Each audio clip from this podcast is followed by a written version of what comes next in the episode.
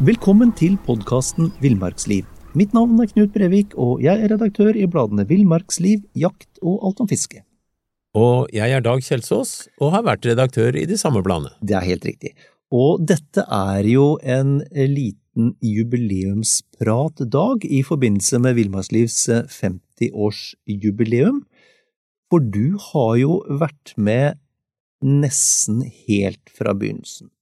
Når var det Altså, når var det du kom inn første gang i Villmarksliv? Jeg hørte om Villmarksliv da Morten Brondal, som jo var med fra starten, og jeg satt i kantina på Blindern. Ja. Eh, I forbindelse med studier for min del, da. Ja. Eh, og så sa Morten nå kommer et nytt blad. Ja. Og det var Villmarksliv. Eh, og dette her var vel da i 1972. Da kom det nemlig et prøvenummer, og så kom Villmannsliv som ordinær utgivelse i 1973. Ja, ja. Og husker du hva dine første bidrag inn i, inn i? Det var vel å illustrere noen av de spørsmålene Morten svarte på med bilder. Ja, for han hadde spørrespalte som gikk på dyr og natur, han. Ja, ja, for Morten jobba jo på, på Blindern i dy dyreavdelingen der, og hadde ansvaret for både gauper og litt av hvert. Ja, ja, ja. Ja. Husker du første gang du var inne i selve redaksjonen? Ja, og det du kaller redaksjon, men det var jo en leilighet med stabler med blader og ikke, ikke, som dagens redaksjoner ser ut, det skal jeg love deg. Altså det var en leilighet, ja, ok. Ja, ja. Eh, man bytta jo lokaler etter hvert som man fikk råd eller trengte utvidelse, Ja, så ja. jeg tror jeg har vært med på flytting fem–seks ganger. Ja, Hvems leilighet var det da, som dere… Det var vel noe som ble leid i starten. Ok. Ja, og, og da var det jo de fire gründerne som, som hadde truffet hverandre delvis i militæret og på forskjellig vis, og som fylte da forskjellige roller. En med regnskap, en et par stykker journalistisk, selvfølgelig, og en som kanskje hadde mest penger, og, og til sammen så hadde de da eh, interessen for jakt og fiske, og bestemte seg for å lage et blad, rett og slett, og, og begynte i det små og på dugnadsbasis så det holdt. Ok. Um, dugnad, ja. Ja, det, vi, snakker faktisk om omtrent å skrive navn på de som skulle ha blad bakpå hvert blad som ble sendt ut i starten, og, så det, det var veldig primitivt, og, og etter hvert så utvikla det seg, og i dag er jo alt på automatikk, får vi kalle det. Ja, ja.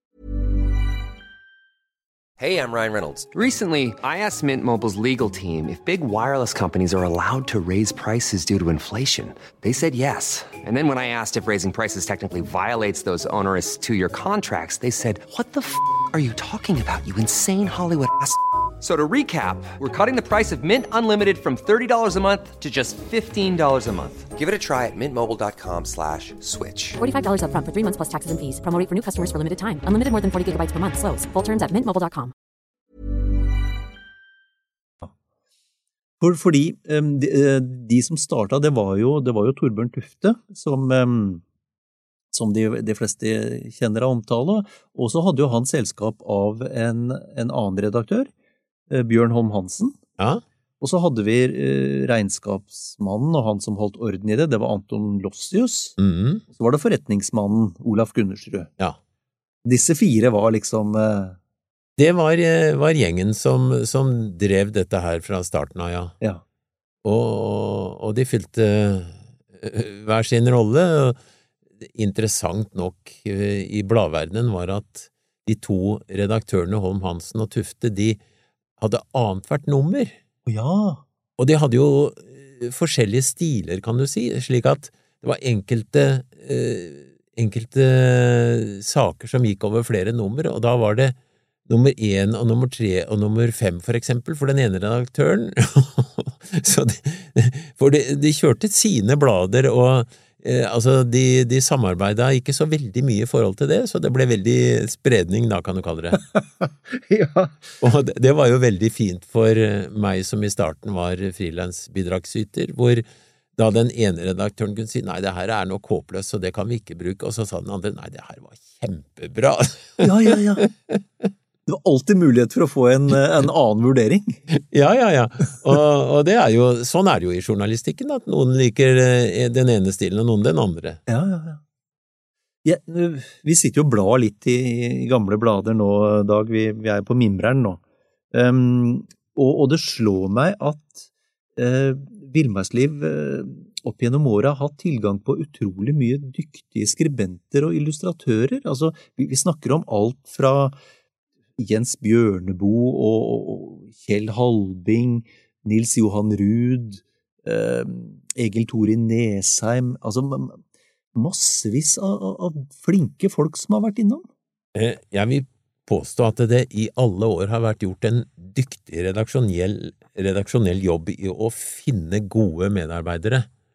Eh, det gjelder faglig folk som, som driver forskning videre. Det gjelder kunstnerisk i forhold til illustrasjoner, og det gjelder selvfølgelig da det journalistiske med, med gode skribenter. Og, og, det er mange kjente navn som har vært innom, det skal jeg love deg, og, og det har vært, vært, mye bra journalistisk sett, syns jeg, ja, gjennom ja. årene. Ja. Jeg bare satt her sånn tilfeldigvis og bladde i, i 74, før vi begynte å prate nå, 74-utgaven.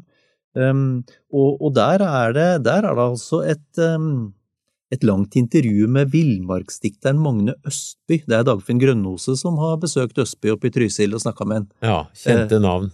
Ikke sant? Og, og, Magne Østby han har gått litt i glemmeboka, for han var jo litt sånn, sånn halvveis samtidig med, med Fønhus, og da, da, skal det jo litt til å, å, å strekke opp. Men han var også en fantastisk, eh, fantastisk forfatter. Ja, ja, ja. Og, og det, det var jo mye Det var færre reportasjer, men flere fortellinger den gangen. Ja. Men, eh, men, det var samtidig veldig nært innpå både jakt og fiske. Du kan jo eh, bare se Sverre M. Fjelstad som var med eh, fra starten av her, og han var jo guru i den perioden der når det gjelder fotografering og naturreportasje, både på film og, og på alle måter. Ja. Så han var jo en fast medarbeider, og det, jo, det var det store navnet, ikke sant? Ja, han var jo enorm, enorm, eh, ja. Fjelstad. Men det er morsomt det du sier med, med god fortelling, fordi en som, en som, slår meg da, som også var tidlig inne eh, i villmarksliv, det, eh, det var jo Jo Nes Oppdal. Ja. Og er det en mann som kan, kan eh, både skrive fortellinger og fortelle fortellinger, så er det jo han.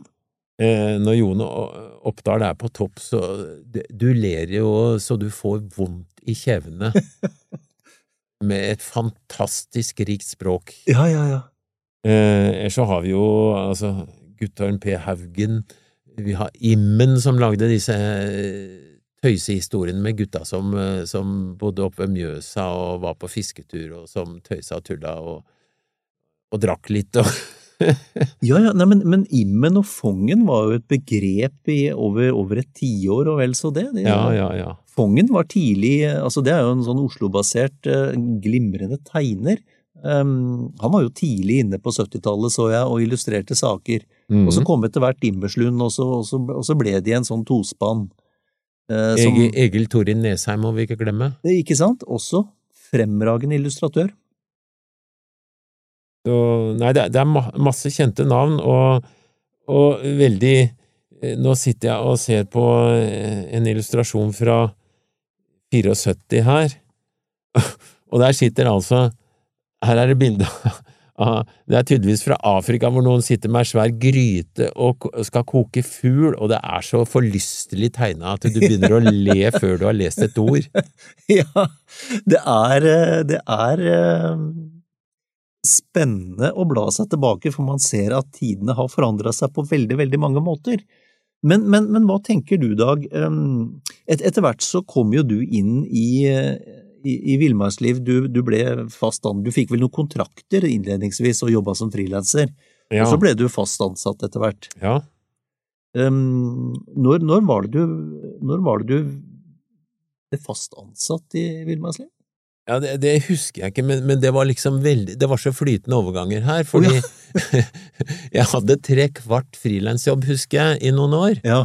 Og så til slutt så gikk jeg og banka litt i bordet og sa hør her, jeg har regnet ut at jeg jobber en og en kvart års Jeg skulle ha en og en kvart årslønn hvis jeg skulle få for det jeg jobber. Ja. Så nå vil jeg bli fast ansatt. Ja, ja, ja. Så, så i praksis så var jeg nok fast ansatt i mange år som frilanser, egentlig, da. Ok, ok. Ja. Men, øh, men, men øh, det er så lenge siden, så jeg husker ikke nøyaktig årstallet, men, men det, det Uff, det er altfor lenge siden. Men hvis du, hvis du ser tilbake, hva, hva som fra de første åra Du ble jo redaktør, du, i 88. 89. 89 fra nummer 1, 89. Ja. Ok. Uh, um, før, før den tid, hva husker du best fra de første åra? Nei, det var at det var øh, Du hadde jo, som vi for så vidt har hatt hele tida, men veldig frie tøyler.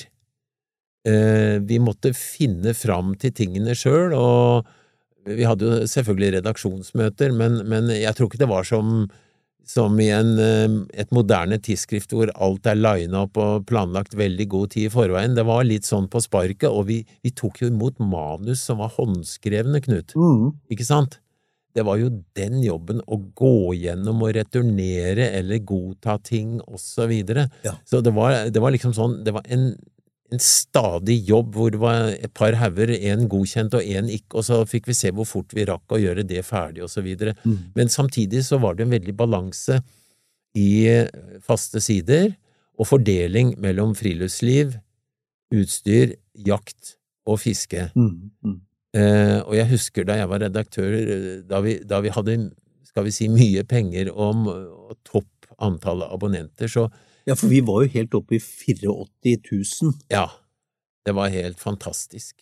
Eh, og da husker jeg det at jeg hadde en regel at det skulle være minimum 21 sider med jakt og 21 sider med fiske i hvert nummer. Ja. Og, det er mye. Mm, ja, visst er det det. Men Visst vi det. utvid, det var jo tilgang på annonser. Det, det hendte jo ikke sjelden at vi sa til annonsørene sorry, du kommer ikke med, Nei. vi har ikke plass nå. Nei. Men vi utvida jo bladet stadig vekk. Så vi hadde jo 136 sider eh, om nødvendig for å få med alle annonser, for det skulle være en balanse mellom antall sider annonser og stoff. Mm. Sånn at altså Folk klaga jo stadig på at det var for mye annonser, da. Men, eh, men samtidig så fikk du jo enormt mye stoff, og vi hadde en balanse eh, i det forholdet. Mm.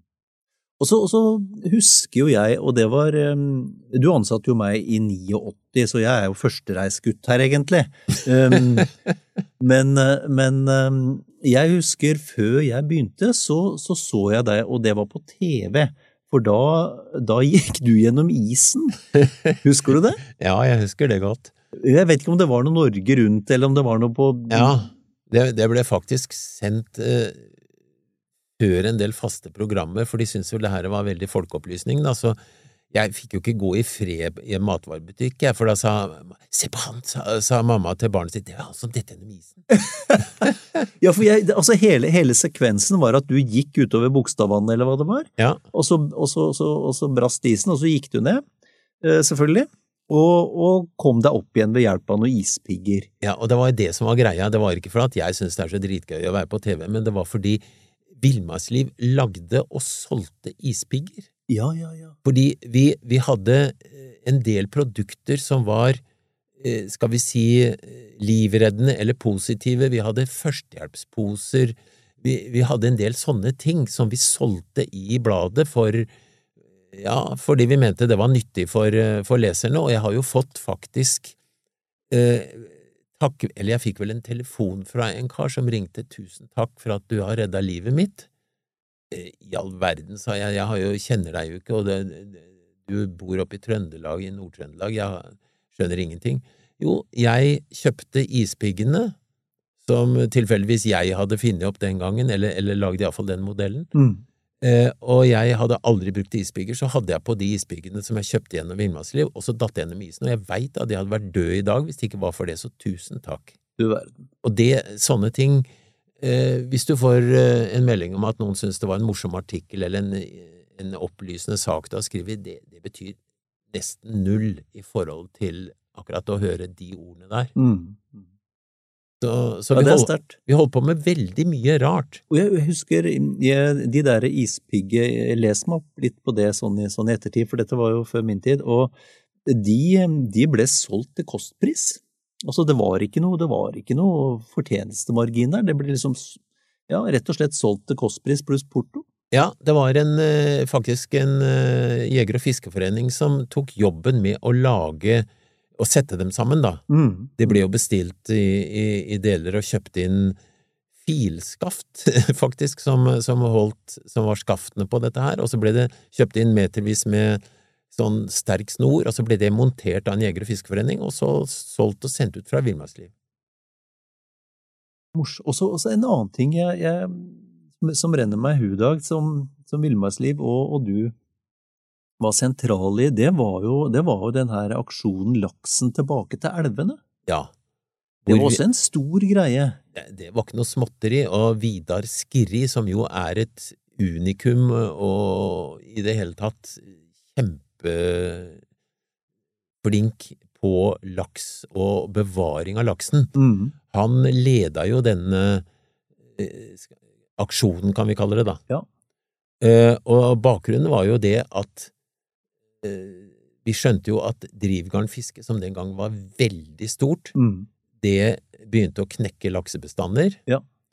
Så det var jo først og fremst kampen mot drivgarnfiske som ble aktuell i den sammenhengen her. Ja.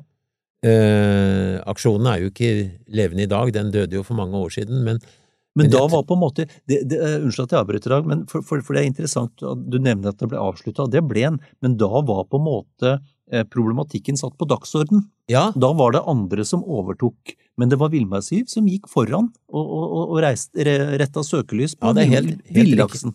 ja og, og det var faktisk snakk om å, å gå i gangene sammen med, med høytstående politikere for å, å fortelle hva som virkelig skjer. Mm, mm. Uh, og det var jo Vidar Skirri som gjorde en kjempejobb på det her, og det ble samla inn penger fra leserne som ble brukt for å holde dette i gang, da. Ja, og, og en morsom ting der, du nevner det ble samla inn penger, ja, og det ble det. Og eh, regnskapene ble offentliggjort i Villmarksliv ned til ned på øret. Re, og det er faktisk sant, jeg har Ja, ja. lest, jeg har lest eh, Ryan Reynolds here from Mint Mobile. With the price of just about everything going up during inflation, we thought we'd bring our prices down. So to help us, we brought in a reverse auctioneer, which is apparently a thing. Mint Mobile unlimited premium wireless. Ready to get 30, 30, bit to get 30, bit to get 20, 20, 20, bit to get 20, 20, bit to get 15, 15, 15, 15 just 15 bucks a month. So, Give it a try at mintmobile.com slash switch. $45 upfront for three months plus taxes and fees. Promo rate for new customers for limited time. Unlimited more than 40 gigabytes per month. Slows. Full terms at mintmobile.com. eh, regnskapene i Villmarksliv. liv, for de ble oppgitt, og det var ned på, fem, ned på 50-øren. ja. Så der var det ikke noe tvil om at penga, penga gikk til det det skulle. Altså. Nei, det, det her var ikke noe sånn uh, skumle ting og tang, nei. Det, det er helt sikkert. Så, men men det, var, det var faktisk veldig vellykka. Mm. Ja. Er det andre sånne, er det andre sånne, hva skal du si, aktiviteter eller em, engasjement du, som, som, som renner deg hu? Noe jeg syns er morsomt, det, var, det er av nyere dato, tross alt, men, men også etter hvert lenge siden, det var Villmarksknappen for barn. Ja, Hvor vi samarbeidet med Donald Duck. ja, ja, det er sant det. Ja, og det, det, det var jo kjempeinteressant interessant for uh, både foreldre og barn, og barn syntes jo det var å få den, den øh, lille knappen på lua og sette fast der, det var stort for mange, altså. Ja visst, visst. Det var jo, men den eksisterer jo ennå, Villmarksknappen. Ja, ja, ja. Eh, Så vi sender stadig ut både bronse og sølv og gullknapper til, eh, til barn som har eh, overnatta ute og Ja, fått en fisk. ja. Og, Ellers så hadde vi jo altså Bokklubben Villmarksliv, ja. og det, i en periode så ble det jo lagd haugevis med jakt- og fiskebøker, og, og det var eh, abonnement på dette her i samarbeid med bokklubben, de norske bokklubbene, da. Mm, Eh, og, og, og det gikk unna bøker som bare rakkeren, altså. mm, mm. Det, hvis, du, hvis, du var, hvis du hadde noen gode fiskefortellinger og skrev det fort ned og sånn, så fikk du ut ditt bok den gangen. Eh, Det er litt forskjellig fra i dag. Ja, ja, i dag kommer det jo nesten ikke, nesten ikke bøker fra vårt fagområde lenger, men, eh, men mens, eh, på begynnelsen av 90-tallet så var det jo voldsomt trøkk. Eller så er jo den her eh, fiskebett-tabellene interessant, Ja. som, eh, som altså er forskning med professor eh, Da var Brade, Rolf Brade, han var ja. astrofysiker, han. Ja. Og jobba på Kjeller og hadde tilgang til Norges største datamaskin den gangen. Ja, han- hadde tilgang til EDB. Ja, ja. Nei, men det var i hullkortenes eh, tid, dette her, vet du. Ja. Men, men altså, eh, det der er Det er ikke tull og tøys. Nei. Det har jo med månefaser og sol og jorda og hele solsystemet å gjøre, nesten, hvor det ble tatt inn mange flere faktorer enn bare når det er flo og fjære. Ja, fordi det, det, til, altså, sånn som du sier, og, eh, i, i tillegg til flo og fjære og månefaser og så videre, så, så det som lå til grunn var jo ganske, et ganske imponerende stort antall med fangstrapporter. Det var jo det som var grunnlaget, at man hadde tilgang til fangstrapporter eh, for laks, og, og begynte å studere det her i forhold til hvordan var det da med månen og, og jorda og hele pakka. Og så etter hvert så kom man da veldig vitenskapelig fram til hva som påvirka eh, bitelysta hos laksen mest. Mm. Og så sjekka man dette mot, eh, mot eh, fangster eh, i større grad etter hvert, og folk begynte vel også å fiske mer etter tabellen, selvfølgelig. Mm. Bruker du den, forresten? Du, jeg var veldig Jeg er, eh, er vel sånn eh, litt sånn rå på at jeg, jeg tror ikke noe før jeg har erfart det, eller at det vitenskapelig er bevist, Mm. og var nok litt tvilende i starten. Og eh, litt interessant, jeg fiska ekstremt mye orkula i noen år. Ja. uh, og la merke til Og jeg fiska både når det var Betty og ikke, for jeg, jeg sov ikke stort sett i den perioden, men jeg la merke til at jeg syns fisken var på bettet litt før enn det sto at det skulle være maks ifølge tabellen. Okay. Så nevnte jeg det for Olaf Gundersrud, som samarbeida med Brade om disse tabellene. Ja. Han svarte ikke noe særlig på det, og så kom han til meg et halvt år etterpå og sa vet du hva, det lå en liten regnefeil i systemet, det stemmer, det fisken biter ti minutter før enn vi hadde notert. Ja vel. og det syns jeg var litt morsomt, da. Ja, ja, ja. Men at det funker, eh, etter min erfaring, ja. Du verden. Og, og vi, vi, vi publiserer jo fremdeles uh, fiskebettidene Ja, ja, det er eh, på laks og ørret. Det er absolutt noe å ta hensyn til hvis du kan velge når du vil fiske, da. Mm. Mm. Men, men det er jo ikke sånn at For eksempel så sies det jo at, at eh, i sjøen skal du fiske på fløende sjø rett før det er høyvann. Ja. Da er det best. Ja. Altså, det tas jo hauger av fisk også når, rett før lavvann. Ja, ja. Så man skal ikke være sånn at man bare stoler på, på det som er satt opp i en tabell, fordi det har noe med at det er bedre fisk akkurat når sola går ned, og så videre og så videre. ja, ja. Du, når vi er inne på fiskedag, vi må snakke litt om, om eh, norske sportsfiskerekordene også. For, eh, for der eh, har jo De, de har jo villmarksliv ført siden, ja, når var det, 475? Ja, det var noe rundt der, og, og de, av alle rare ting, så var de først i bladet Alle menn. Ja, men, eh, to, men, men han godeste Bjørn Holm Hansen kom jo derfra, vet du. Ja, han var redaktør i Villmarksliv, og før det jobba han i Alle menn, og han Ja. tok med seg disse, disse tabellene og noteringene over til Villmarksliv. Mm, mm. Og etter hvert så ble jo de satt mye mer i system med klare regler, og som jo har vært utvikla år om annet hele tida i forhold til utviklingen innen fiske og fiskebestander og så videre og så videre. Ja.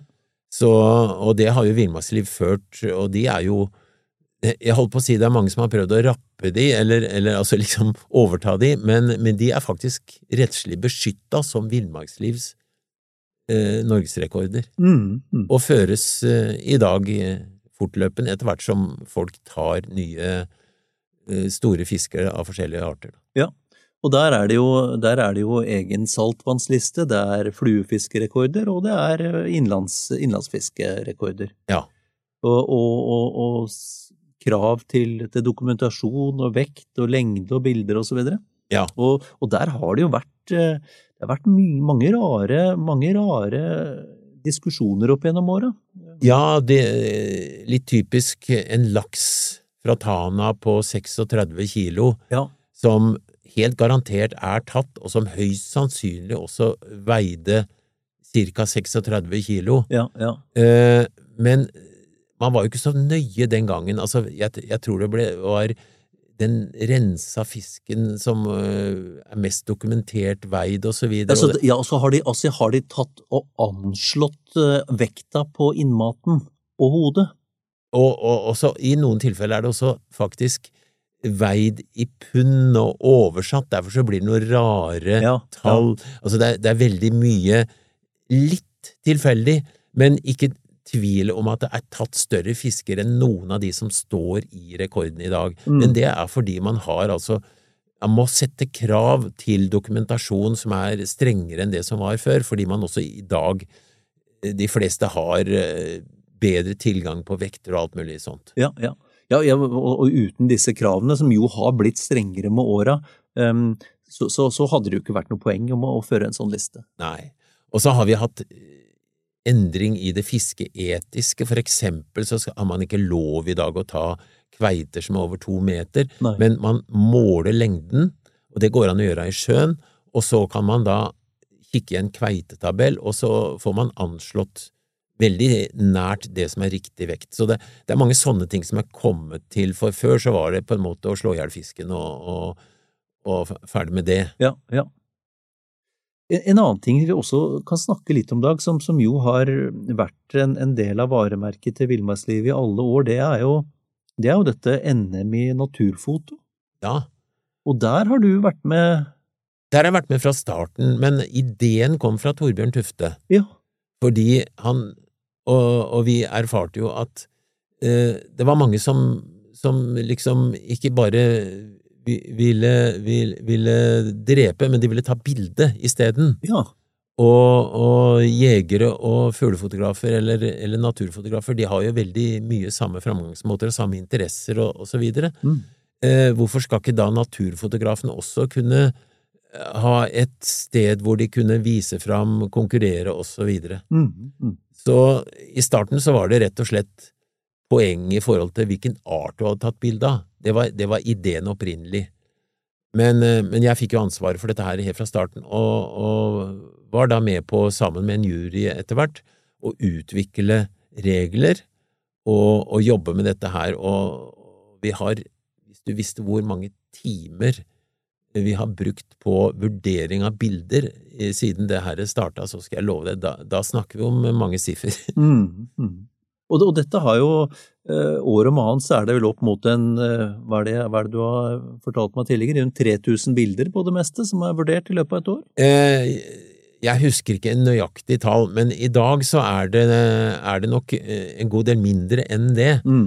Eh, Men, men konkurransen er jo så beinhard fordi vi, Norge har jo da, jeg vil påstå, veldig mange av verdens beste naturfotografer. Ja. Så Hva tror du det skyldes? Nei, det er nordmenns tilnærming til friluftsliv og, og natur er jo Altså, vi, vi er jo så nær knytta opp mot naturen, svært mange av oss. Mm. Mm. Så vi har eh, Og dermed så så Den veidemannsgreia ligger i oss, og, og det med å jakte og- eller komme innpå og oppleve dyr er så nært for oss fordi vi har så gode tilganger til natur. Mm. Så det er nok eh, noe av grunnen. Og så har vi jo hatt for eksempel Sverre M. Fjelstad, da, som Mm, på en mm. måte har inspirert så voldsomt. Mm. Mm. Så, så det er nok noe av grunnen eh, til at, at så mange er der i dag. Mm. Jeg, jeg, jeg veit ingen Nå kjenner jo jeg etter hvert en del jegere og fiskere og friluftsfolk. Jeg, jeg kjenner ingen som har vært med på så mye variert friluftsliv som deg, i Dag. Både som jeger og fisker og, og naturfotograf. Eh, I løpet av disse åra hvor du har eh, Du har altså vært mer eller mindre fast tilknytta villmarkslivet siden 74 og fram til i dag. Hva er, den, hva er den mest elleville eller sterkeste opplevelsen du har, eh, du har hatt? Nei, det, det var vel den runden på Hardangervidda på reinsjakt hvor jeg var veldig nærme å stryke eh, under torva. Stryke med, fordi, fordi jeg fikk et brått uvær, og, og de opplevelsene de seks timene jeg dagen etter at jeg hadde klart å overleve en natt gikk direkte på kom kompasskurs i uvær og, og opplevde å ramle ned i snøfonner så jeg nesten ikke kom ut, og nesten gå rett utfor et stup på 50 meter i voldsomt uvær, det, det sitter nok tøffest i meg. Men, men du, eh, jeg, jeg kjenner historien, men, men, det er ikke sikkert alle andre gjør det.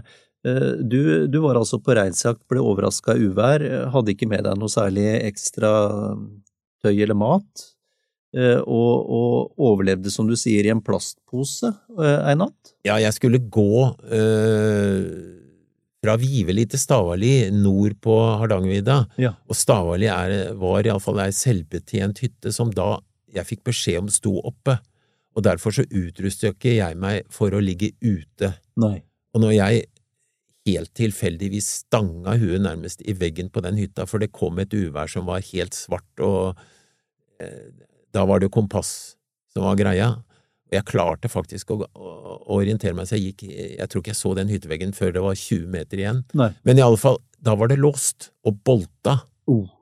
Jeg kom ikke inn, og jeg, jeg, kunne kanskje ha prøvd å skyte meg inn ved å ødelegge låser og sånn, men, men, det var et uthus som hadde ramla sammen, så det, det, var ikke ordentlig tak, eller det var på en måte sånn som skulle vært tatt vekk, men det lå noe der. Ja. Og jeg fikk satt meg i et hjørne i ly for det verste av nedbør og, og vind og sånn, og, og, kom gjennom natta. Jeg var jo kliss blaut, men jeg hadde ei tørr skjorte og en, en sånn søppelsekk.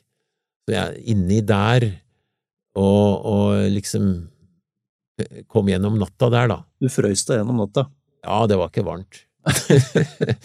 Men dagen etter så var det jo da snø til over knærne, nysnø som har kommet om natta, som kram, våt nysnø. Og, og, jeg tenkte bare på at jeg må komme meg tilbake, og da gikk jeg direkte på kompasskurs, for det ville blitt for langt å gått rundt fjellet for det er snakk om du bruker Jeg hadde jo ikke med meg mat heller, for jeg skulle finne det i hytta, så jeg hadde en sjokolade. Ja. Eh, og da seks timer med ekstrem fysisk aktivitet, eh, delvis opp knallbratte fjellsider og sånt noe. Det var eh, mitt livs tøffe runde, da jeg nesten var framme ved ved Viveli så påstår noen turister som gikk der, og da, var, da var, hadde det faktisk kommet finvær, så det var delvis smelta, det var litt lavere, og, og sola skinte og sånn. Eh, da hadde det kommet en snål gubbe med børse nedover stien mot Viveli der, og de hadde prata til han og hadde ikke svart og ikke sett dem, så de måtte hoppe unna i stien, ja. påstår de. Du husker det ikke? Nei, jeg husker ikke det. Nei. Jeg husker sånn halvt i ørska, eller kanskje det, fordi jeg er blitt fortalt at de de fikk meg inn i huset og fikk eh, lempa i meg litt varm suppe før jeg ble lagt. Mm. Så det var nok rimelig nær. Men, men, men, Dag, det er, det, er en, det er, en, del av denne fortellingen du har hoppa over, og, og, det er når du neste dag, etter å ha frosset deg gjennom en natt, er på vei tilbake, så, så skjer noe. Ja, det var jo Jeg gikk det var denne, dette stupet på ja, kanskje 50 meter, jeg vet ikke akkurat. Så du er på vei men, mot et stup? Jeg går på kompasskurs, jeg. Ja. Går og går, og så plutselig så kjenner jeg noe rart i kroppen. Jeg får på en måte beskjed om å stoppe, da. Ok. Jeg stopper opp. Jeg, jeg er så sliten, jeg tenker ikke nøye over hvorfor, men jeg bare føler at nå må jeg stoppe. Ja. Og så kommer det ei lita gløtte med ikke finvær, men med litt, litt, litt, bedre vær og litt bedre sikt. Ja. Og plutselig så ser jeg at hadde jeg gått to meter til, så hadde jeg tryna 50 meter rett ned. Og, og, det gir deg jo noen tanker og følelser, selvfølgelig. Hva, hva, sånn i ettertid, hva, hva, tenker du Var dette underbevisstheten din som har registrert noen luftforandringer, eller, eller, eller tenker du at det, det er noe der ute som ga deg beskjed? jeg kan ikke svare det, altså noe av det siste på en eller annen måte. Eh, jeg har blant annet snakka en del med Lars Monsen om sånne ting, og han sa ja, det her er ikke noe rart i det hele tatt. Det er noen eh, varslere, noen beskyttere, som, som hjelper deg. Eh, vi kan tro hva vi vil, men iallfall så skjedde det, og, og, det setter jo et sånt preg på en person, selvfølgelig, for mm. det, det, det, her snakker vi om liv og død, altså. Mm. Veldig nær eggen. Mm. Dag, um, vi, skal, vi, skal, fortsette å jakte og fiske og, og skrive og og snakker vi. Tusen takk for en hyggelig prat. I like måte, Knut.